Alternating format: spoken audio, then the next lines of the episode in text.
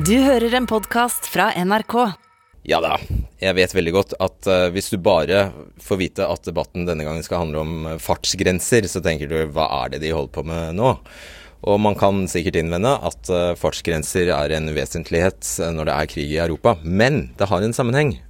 Og det kan faktisk Det er noen som hevder at fartsgrenser er løsningen om ikke på krigen, så i hvert fall på den eh, deler av den energikrisen vi står uh, overfor. Så vi griper tak i den debatten som egentlig har pågått noen dager, uh, etter at Det internasjonale energibyrået faktisk foreslo at alle industrialiserte land bør senke fartsgrensen med 10 km i timen for å spare drivstoff, rett og slett.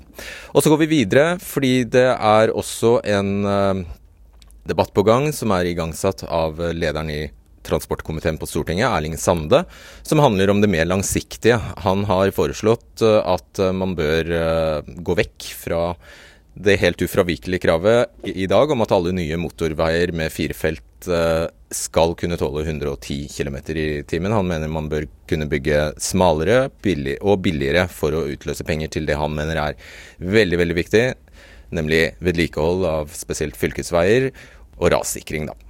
Så dette er en helt uh, reell uh, debatt, uh, og det er mange aktuelle knagger her. Veiene her i landet har blitt bedre og bredere. Alle motorveier i Norge skal ha midtdeler. Det planlegges mange mil med firefeltsveier, også på nye broer på Vestlandet. Fartsgrensen er økt til 110, samtidig som antall drepte i trafikken går ned. Men nå vil mange snu utviklingen. De vil ha smalere og billigere vei og maksimalt 90 km i timen.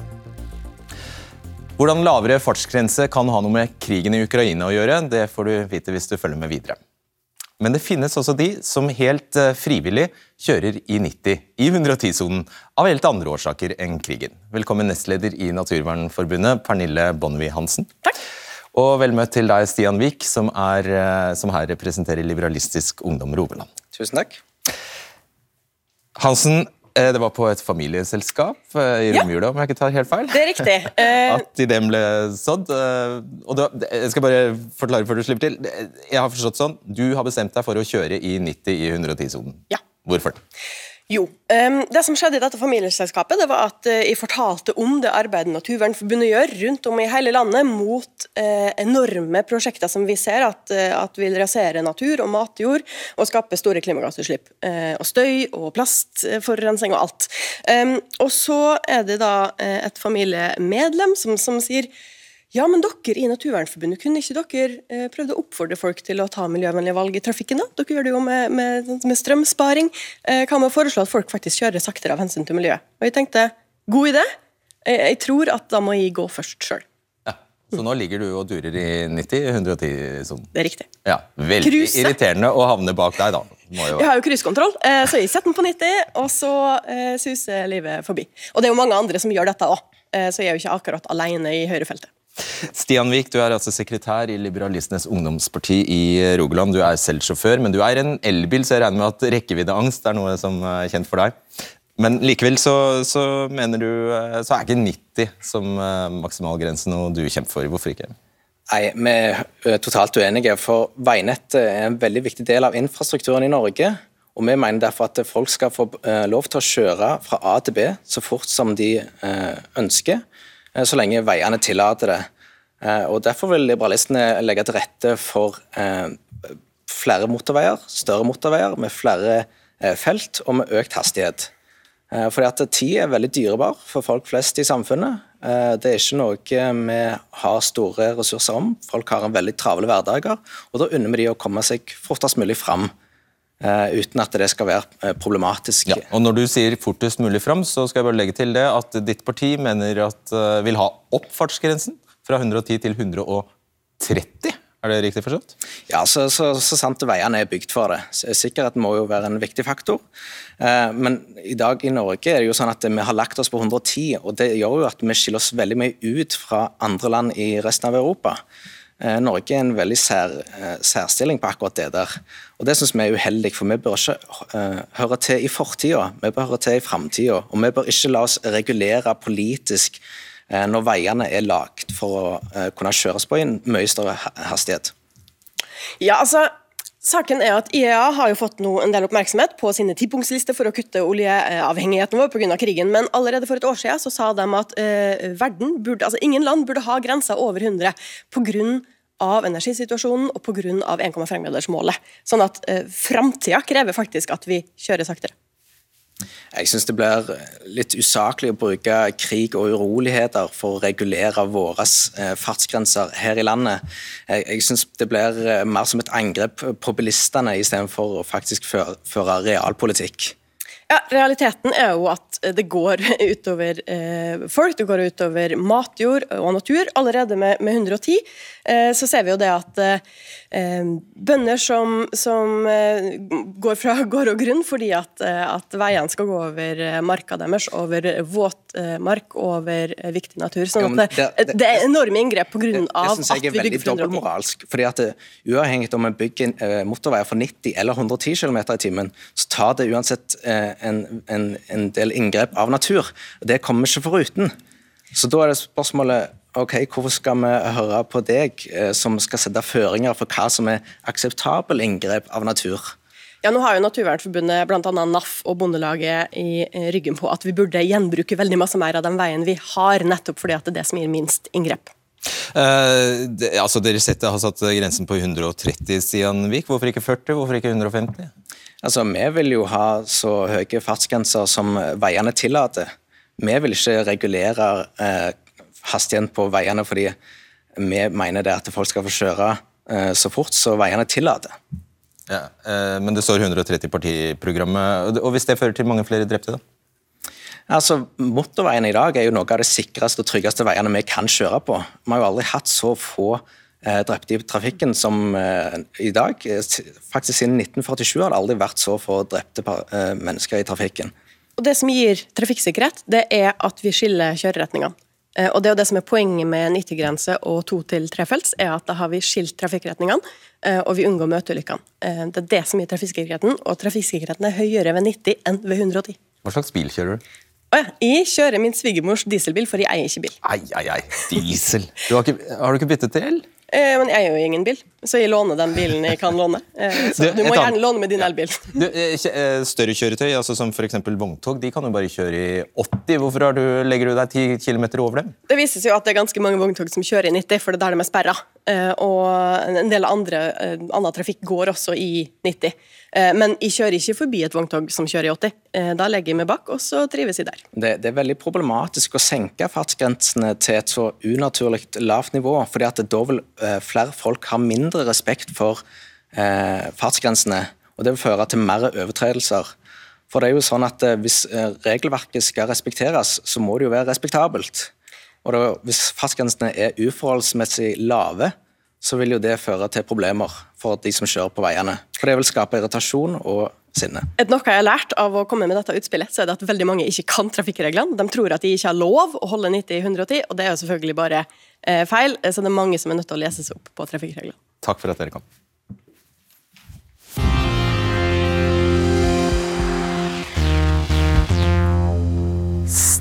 Stadig flere våger jeg å si, oppdager at det er mulig å fiske fram debatten fra NRK TV når som helst. Du trenger slett ikke sitte parat foran TV-en klokka 21.20 tirsdag og torsdag for å se oss. Noen er altså mest opptatt av klima, andre bruker krigen i Ukraina som en anledning til å foreslå at vi skal gjøre som Det internasjonale energibyrået foreslo her om dagen, nemlig å redusere fartsgrensen på motorveier med minst 10 km i timen for å spare drivstoff. IEA foreslo for så vidt også bilfrie søndager i byer og datokjøring. Atter andre er mest opptatt av at det er svindyrt å bygge motorvei i Norge.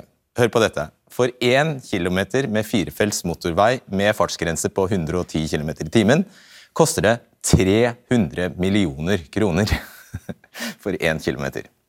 Og Derfor vil noen i panelet her bygge smalere vei med lavere fartsgrense for å få mer penger til vedlikehold og rassikring.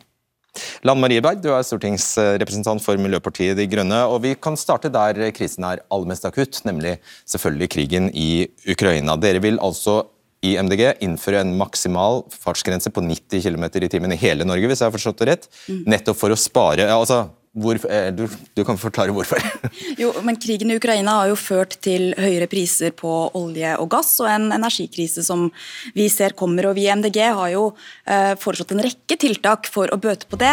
Men et tiltak som da også Det internasjonale energibyrået har foreslått, er jo nettopp å redusere fartsgrensen på motorveiene. og Da ønsker vi å redusere fra en maksgrense på 110 km i timen til 90 km i timen. Fordi man sparer veldig mye energi ved å redusere fartsgrensen når man er oppe i det øvre sjiktet. Eh, og dessuten så tenker vi at det ikke er et så stort offer. Hvor mye eh, sparer man egentlig? Ja, jeg tror det er rundt ett minutt per mil hvis du kjører i 110 km istedenfor 90. Så jeg tror jo at det er et det er på en måte et offer som vi kan gjøre, hvis det til sammen også bidrar da, til å redusere olje forbruket vårt nå eh, på kort sikt i den situasjonen vi står i nå. så Det er på en måte et svar på også den akutte krisen som vi står i. Men det er jo også bra for den verdenen som vi ønsker å bygge eh, i framtiden. En grønnere og bedre verden, men også med lavere energiforbruk. Ja, For dere vi... vil ikke at fartsgrensen skal øke når krigen er over, for å si det sånn? Nei, og det vil jo ikke IEA heller. Ja, de mener jo at vi skal videreføre disse tiltakene hvis man gjennomfører dem, også fordi man trenger å gjøre det for framtiden. Og så er det jo bra også fordi at hvis vi ikke nå dimensjonerer veiene framover for 110 km i timen, som krever voldsomt mye areal, det koster veldig mye penger, som folk må betale i bompenger, og eh, det koster jo mye penger for de som betaler for bensinen sin eller må lade bilen sin ofte, fordi koster, man bruker mer energi, eh, da kan vi heller redusere på, eh, på, hvordan vi bygger veier, for å spare naturen og spare klima. La oss komme til veibygging eh, snart. Vi bare oss, tar en runde på dette som Det internasjonale energibyrået har foreslått. Samferdselsminister Jon Ivar Nygaard. Syns du det er en god idé at vi kjører saktere fordi Putin bomber Ukraina? Nei, Jeg syns i utgangspunktet ikke at det er en god idé. Jeg tenker at eh, Det som IEA har kommet med, det er en menyliste over mulige tiltak som man kan gjøre for å spare på energibruken. Og Det er som følge av energibruken og ikke i utgangspunktet et klimainnspill som IEA har kommet med. Og så vil selvfølgelig vi i Norge som alle andre land måtte følge situasjonen tett. Hvordan utvikler energitilgangen seg, hva skjer med prisene? Men i utgangspunktet har ikke vi noen konkrete forslag på dette. Nei, men det var ti punkter på den lista til IEA. og de to, to andre enn dette her forslaget her om å senke fartsgrensen handler altså om eh, går direkte på bilistene. Hvis du er imot det, å senke fartsgrensen til eh, 90 km i timen, da er du for bilfri søndag, da? Nei, det har jeg ikke sagt. Nei, det er du heller ikke for. Nei. Du er imot det òg? Ja. Ja. utgangspunktet. Datokjøring, da? Nei, men jeg tenker at Vi er ikke der nå at vi har en konkret diskusjon i regjeringa om hva vi skal gjøre på det området. her, Men hvis vi kommer til en situasjon hvor det er energi, reell energimangel i Norge, så må vi vurdere tiltak, vi som alle andre land. Nå har vi fått en menyliste fra IEA, og den uh, ligger der. Ja. Hva med deg, eh, Ketil Solvik-Olsen? Du har også tre valg her for norske bilister for å spare det IEA sier. Altså Det er eh, svimlende summer drivstoff og eh, energi man kan eh, spare. Det er altså 2,7 millioner fat per dag i løpet av en periode på fire måneder for industrialiserte land, hvis de innfører dette, bare dette ene tiltaket, nemlig senke fartsgrensen. Da, det er, og det, det er jo vanskelig å være imot det, er det ikke det? Det er mange kostnader òg med det. Du øker reisetiden, du reduserer næringslivets konkurranseevne, du øker timekostnaden for, eh, for næringslivet. Så jeg syns det er en dårlig idé. Vi mangler jo egentlig ikke energi i dette landet hvis vi hadde forvalta det bedre. Det som jo blir konsekvensen av, av, den diskusjonen for de som vil redusere det permanent, er jo at du bygger dårligere veier. Ja, vi kom, som sagt, vi kommer til bygging. Men, men, men, men, bare for å ta det. Hvis du hadde sagt ja, men da må vi redusere eh, farten på trikkene i byen, T-banen i byen, togene i byen, da hadde du fått en helt annet svar fra de som mener vi skal redusere farten på bilene. Så dette er jo gamle standpunkt. Det er bare nye unnskyldninger for å fortsatt være imot bilen. Der har han jo et poeng. Nei, altså nå er det jo sånn at IEA foreslår jo disse tiltakene fordi vi står i en situasjon der Europa og resten av verden ønsker å eh, redusere avhengigheten av olje nå på kort sikt, fordi man ønsker å ikke være avhengig av russisk olje og gass.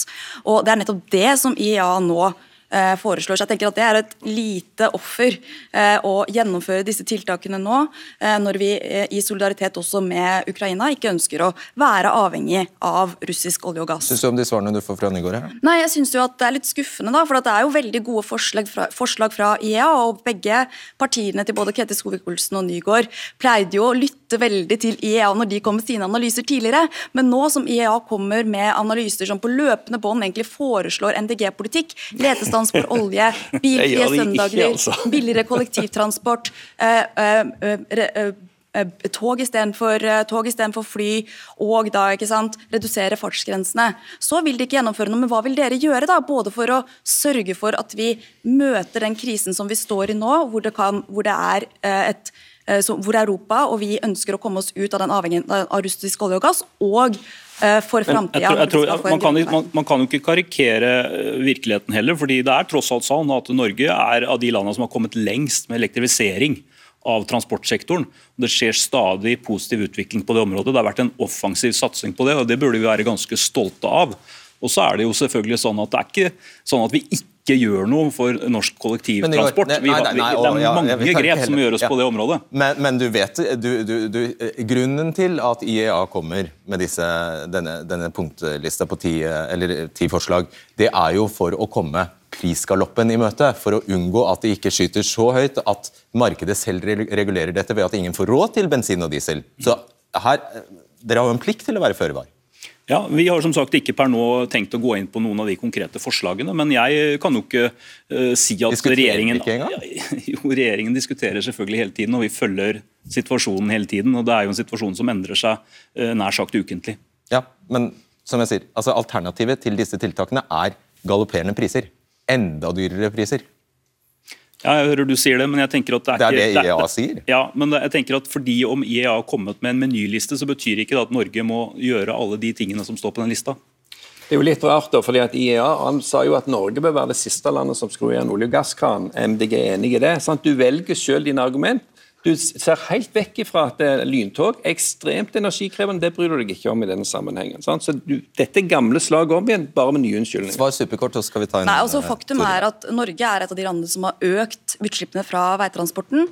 Vi kan gjøre noe nå i den, ned. den situasjonen som også verden står i, og det burde vi også gjøre da. Toril er Hallrød, du er ned. det administrasjonsmedarbeider i Kongelig norsk automobilklubb. Velkommen til deg. Forklar for Hvor lang, eh, mye mer tid vil det ta for deg å komme deg til jobb, eh, til og fra jobb, eh, om fartsgrensen på E18 blir satt ned til 90 km i timen? La meg for så vidt først alle si at KNA har jo vært bilfolkets stemme da, siden bilens barndom. Og være pådrivere for både trafikksikkerhet og ikke minst samferdselspolitikk helt siden den gangen. Det er notert. Og privat, så ja, jeg kjører mellom 30 og 40 000 km i året på E18. Og hvis vi skal gjøre som eh, Lan Marie Berg sier, så ender jeg opp i Drammen istedenfor i Sandvika på den tiden en time da som jeg kjører innover der. Ja, Da tror jeg du skal forklare geografien. Hvor bor du hen? I Larvik. Ja, nettopp. Ja. Så det er jo ikke alle som bor der de jobber.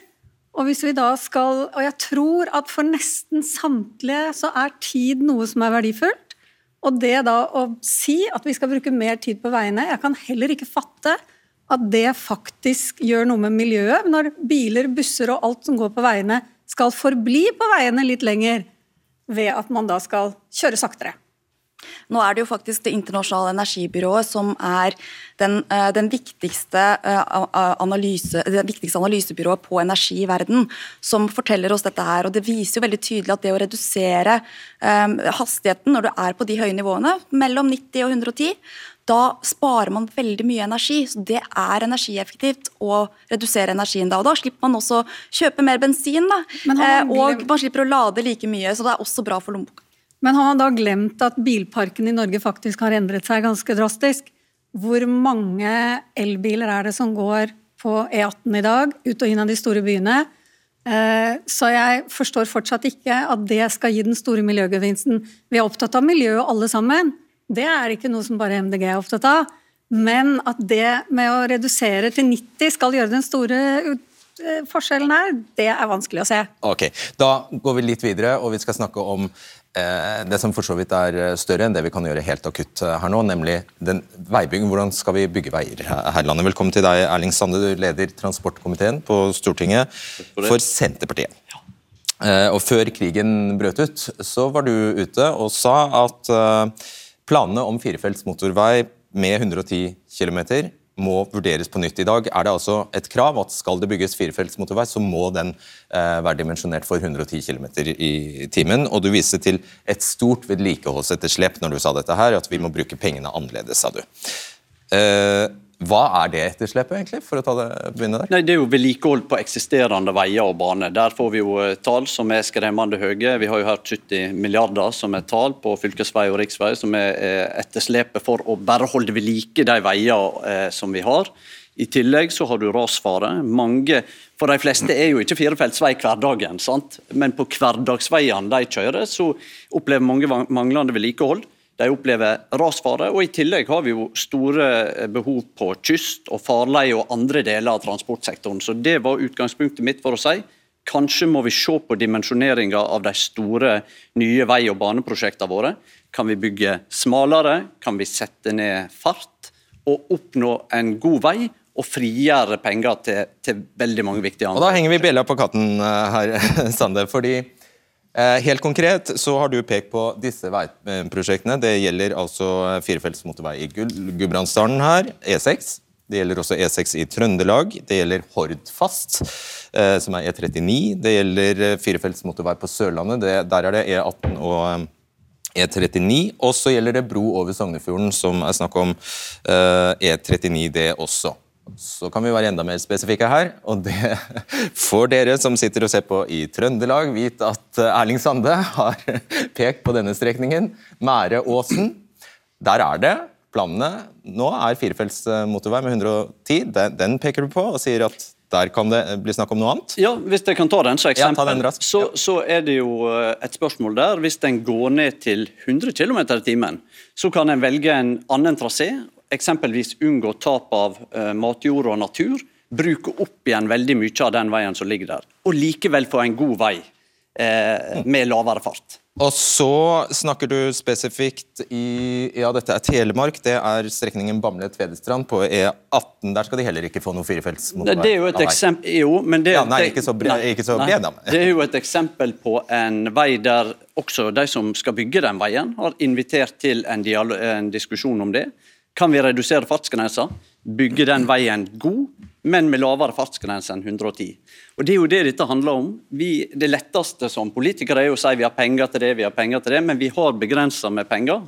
Eh, og Da må vi få pengene til å vare lengst mulig. Og til slutt, det har vi ikke tegnet inn på kartet, så er det snakk om E6 nord for uh, Lillehammer. Ja, jeg har bare lyst til å si Dette er jo eksempel på veier. Det kan være at vi ikke skal velge de løsningene her, men det kan også være andre strekninger en må se på. Poenget mitt er jo at der det er planlegging av nye veier, eh, der en ikke har vedtatt dem og begynt å bygge dem, der må vi kunne være åpne for å se på ja. andre standarder. Det har jo også stortingsflertallet pekt på. Er dette regjeringens politikk?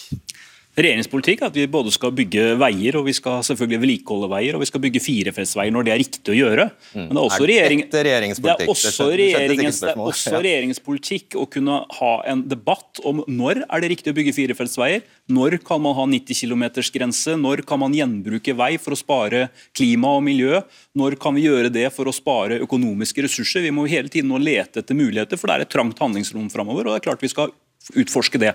Og Det har vi fått en bestilling fra Stortinget på å gjøre, og er i full gang med. Åpner du for Sandes modell her, her at det skal bli smalere og billigere vei?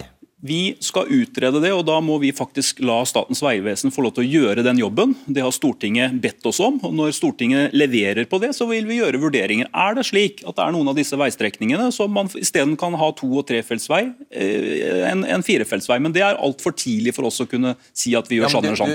Ja, et av eksemplene, til velgerne dine i Telemark og til, eh, på Vestlandet viste, og, og, eh, et av eksemplene som du viste til nå, så er beskjeden at, du åpner, altså at det kan et, ende der. Et av eksemplene du viste viste til nå, eh, var veldig, eh, et godt eksempel hvor eier, altså veieier selv, dvs. Si, uh, Nye Veier, som jo er Ketils babyer, som har bygd mye veier og som nå jobber på Sørlandet, de ønsker å se på om det er mulig å gjenbruke deler av veien.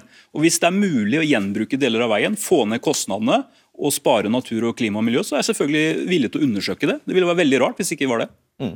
Eh, og dette, bare for å fastslå det først som sist. Denne ideen om at alle, alle firefelts motorveier i Norge må være så store at de eh, tåler 110 km i timen. og Det gjør at de ikke kan svinge like mye, det, gjør, det gir større naturinngrep osv. Det er din idé. Det er mer nyanser til den som så. Men ja, vi økte maksgrensen på motorveien til 110. Vi mener det er fornuftig. Og vi så jo at når eh, veimyndighetene fikk en beskjed om at bygg så samfunnsøkonomisk lønnsom vei som mulig, så var jo konklusjonen mange steder at da må fartsgrensen opp. Da øker nytteverdien mer enn kostnaden.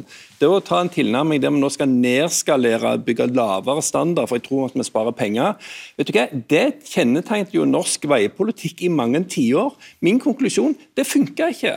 Det skapte mer ulykker nødvendig, det skapte mer kø nødvendig. Og jeg er for at vi gjenbruker vei, det er ikke noe nytt. så Det er bra at dere kikker på det. Men konklusjonen hvis det går på at nå skal vi ned på tofeltsvei, så er den helt feil. Vår løsning var heller å si på de høytrafikkerte strekningene, bygg skikkelig motorvei. Der, der du før vurderte to- og to- og trefeltsvei, bygg smal firefeltsvei. Det er billigere. Der kan du ha 100 km i timen, men det er langt bedre enn å bygge krokkete vei med 90 år. Jeg tror Solvik-Olsen at Hvis du reiste rundt i landet og snakket med en del av dine egne partifeller, så ville de vært enige med meg i denne saka. For det første fordi en ser behovet på andre områder. Og for det, andre, for, unnskyld, og for det andre er det som eh, dette har ledet til, er ikke bare stor offentlig pengebruk, men en voldsom bompengeinnkreving. Så en Nei. skulle tro at, uh, at. Frp i alle fall var kritisk. Bare hold an, for du får mer motstand her, nemlig. Uh, Harald Norheim, du er professor emeritus ved eh, NTNU i, og har bygd vei. Du har prosjektert vei og tegnet dem. Eh, Du er en av dem som mener at Sandes forslag til pengebruk her Du hilser forslaget velkommen, og du sier det også er helt på tide at noen tør å prioritere. Ja, det er en overmoden debatt. Og nå har du vist på skjermen her Ja, la, en eh, eh, la oss ta, eh, ta det først som sitt. I dag er altså standarden det nederste her. Hvis man skal bygge firefelts motorvei, da er veien hele 23 meter bred, og den skal tåle 110 km i timen. Så kan man også bygge en litt smalere firefeltsvei med 110 km, og det er også mulig å bygge firefelt med 90 km i timen. Men du vil ha det siste alternativet her, som vi kaller hva er det du kaller det? To-trefelt eh, to med 90 km i timen. Jeg har ikke sagt at det er to trefelt jeg vil ha. Men dagens veinormaler de har to av de alternativene inne. Det er den to-trefeltsveien. Hva er det? Hva er det? Det er at eh, stort sett så er det et felt på hver side av midtdeleren. Og så for hver- hver mil så er det forbikjøringsmuligheter, slik at eh, du kan eh, få løst opp køen og forbikjøringer. De kan vi bruke fra 6000 til 12 000 kjøretøyer per døgn. Hvis du kommer over 12 000, så skal du ifølge veinormalene velge den nedre løsningen på 23 meter. Da øker du kostnaden med 50-100% bare du tipper over akkurat 12 000 biler i døgnet. Eh, Så er det åpnet opp for eh, en litt smalere firefeltsvei med med 110 km. Det jeg går inn for som en god regel, eller god veistandard, det er en firefeltsvei, smal, med til 90 km i timen. Ja. Og jeg har eh, ofte sammenlignet vårt veinett med blodomløpet, hvor vi har pulsår, vi har arterier og ned til kapillarer. Og jeg er så imponert over den samspillet det er i størrelse ut ifra kapasitet. Det samspillet der, det har vi ikke i veibygging. Vi må ha et mellomledd for å få den fleksibiliteten vi har. Så Derfor så går jeg inn for en smal firefeltsvei med lavere fartsgrense for å spare penger. Miljø. Det er utrolige summer vi snakker om. Rundt en 50-75 millioner per kilometer som vi kan spare ved å gå ned på fartsgrensene. Og vi vet det er mange som låner øre til deg. Du er, dere er også blant dem Camilla Ryste, kommunikasjonssjef for NAF.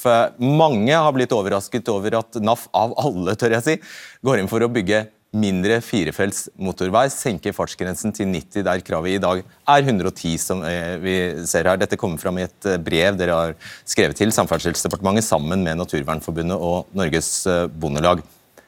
Er du sikker på at det er det medlemmene i NAF vil ha? Nei, For det første så er jeg eh, glad for å få muligheten til å si at det er ikke sånn at NAF ønsker å redusere farten på dagens motorveier. Vi er for eh, motorvei med fart på 110 km i timen, og vi er også for at det fortsatt i fremtiden skal være mulig å bygge motorvei for 110 km i timen. Så er det riktig at vi er med på et eh, brev hvor vi sier at vi mener at det bør åpnes opp for å ha et alternativ til dagens normal, hvor det kan være eh, et alternativ at man også kan bygge for 90 km i timen. Og jeg må bare understreke at Jeg skal ikke erstatte dagens normal, hvor man bygger for 100 km i timen, firefelts vei der hvor behovene er størst, men som et alternativ. Og Det er jo et svar på mange av de litt krevende avveiningene vi hører i debattene her i, i dag. Det er enorme behov på veinettet vårt. Ikke minst er det et kjempebehov for eh, en massiv innsats for bedre veivedlikehold.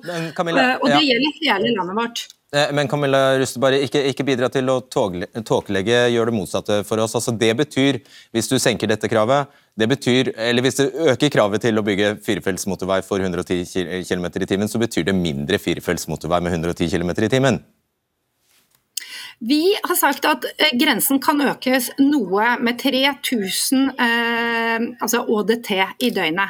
Men det er veldig viktig å understreke årsdøgntrafikk, gjennomsnittlige biler i døgnet. Da har du vært der for lenge. Du har jobbet innom for lenge. Men det er greit. Så dere sier at Det er litt må kjøre noen flere biler for at man skal kunne bygge så stor vei? Ja. Ja, jeg Fredrik Solvang, Hvis jeg kan få lov til å gjøre ett poeng til før, før dere tar meg av skjermen her. at Ja, det handler om penger eh, til utbyggingene, men det handler også om penger for bilistene.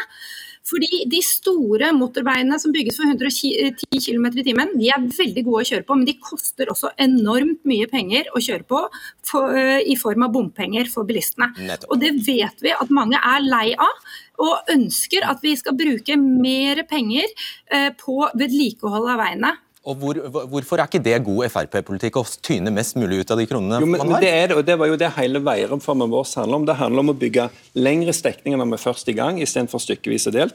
Det handler om å vedlikeholde det vi allerede har. Og så handler det om å bygge for framtida, så vi slipper alle de prosjektene der vi åpna en vei for 10-15 år siden, og så må du tilbake og utvide den. fordi det er feil å tro at du kan bygge deg ut av, av eh, liksom, med å spare, spare deg til fant.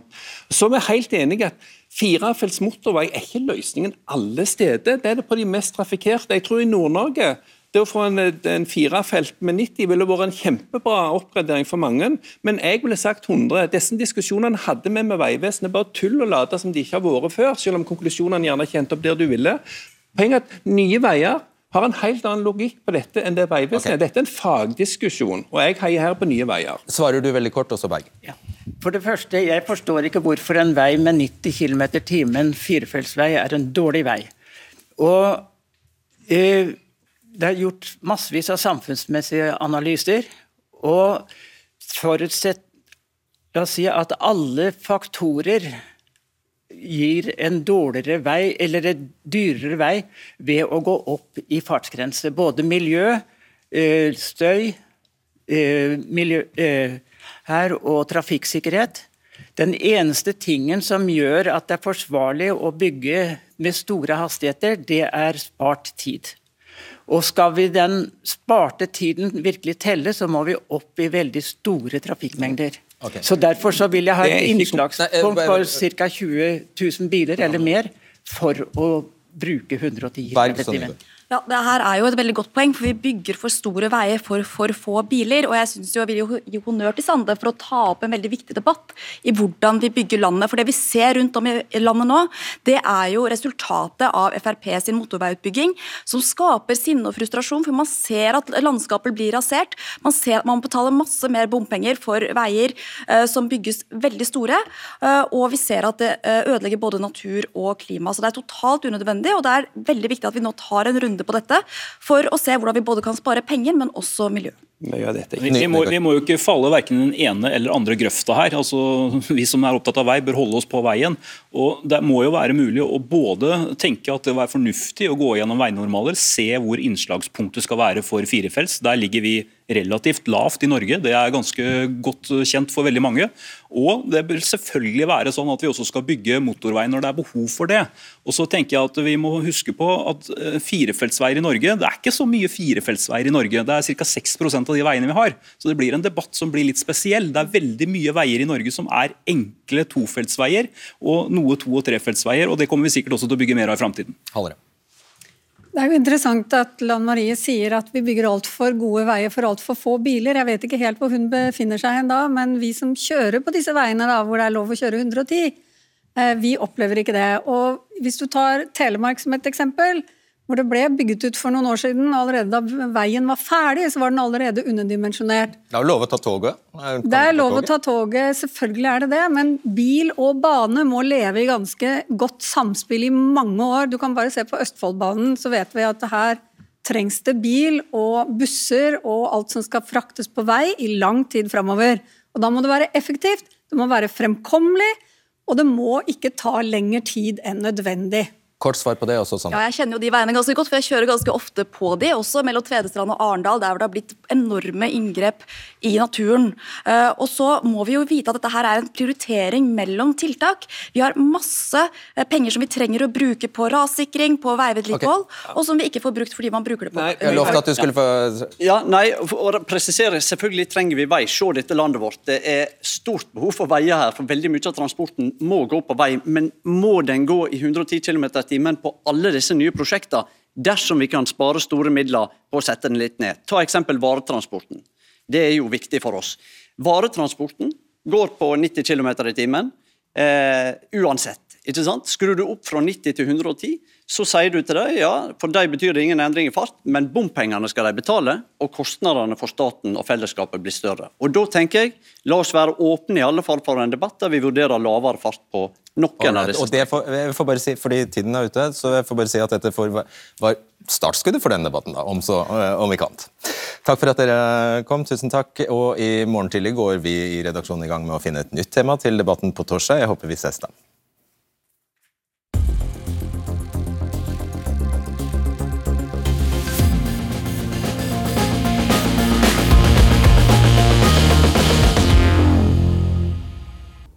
Håper ikke dette føltes for uh, heseblesende. Jeg følte det underveis der at jeg hadde nok med å fordele ordet sånn uh, noenlunde likelig, sånn at det ikke ble urettferdig. Og jeg tror, håper, håper jeg til det.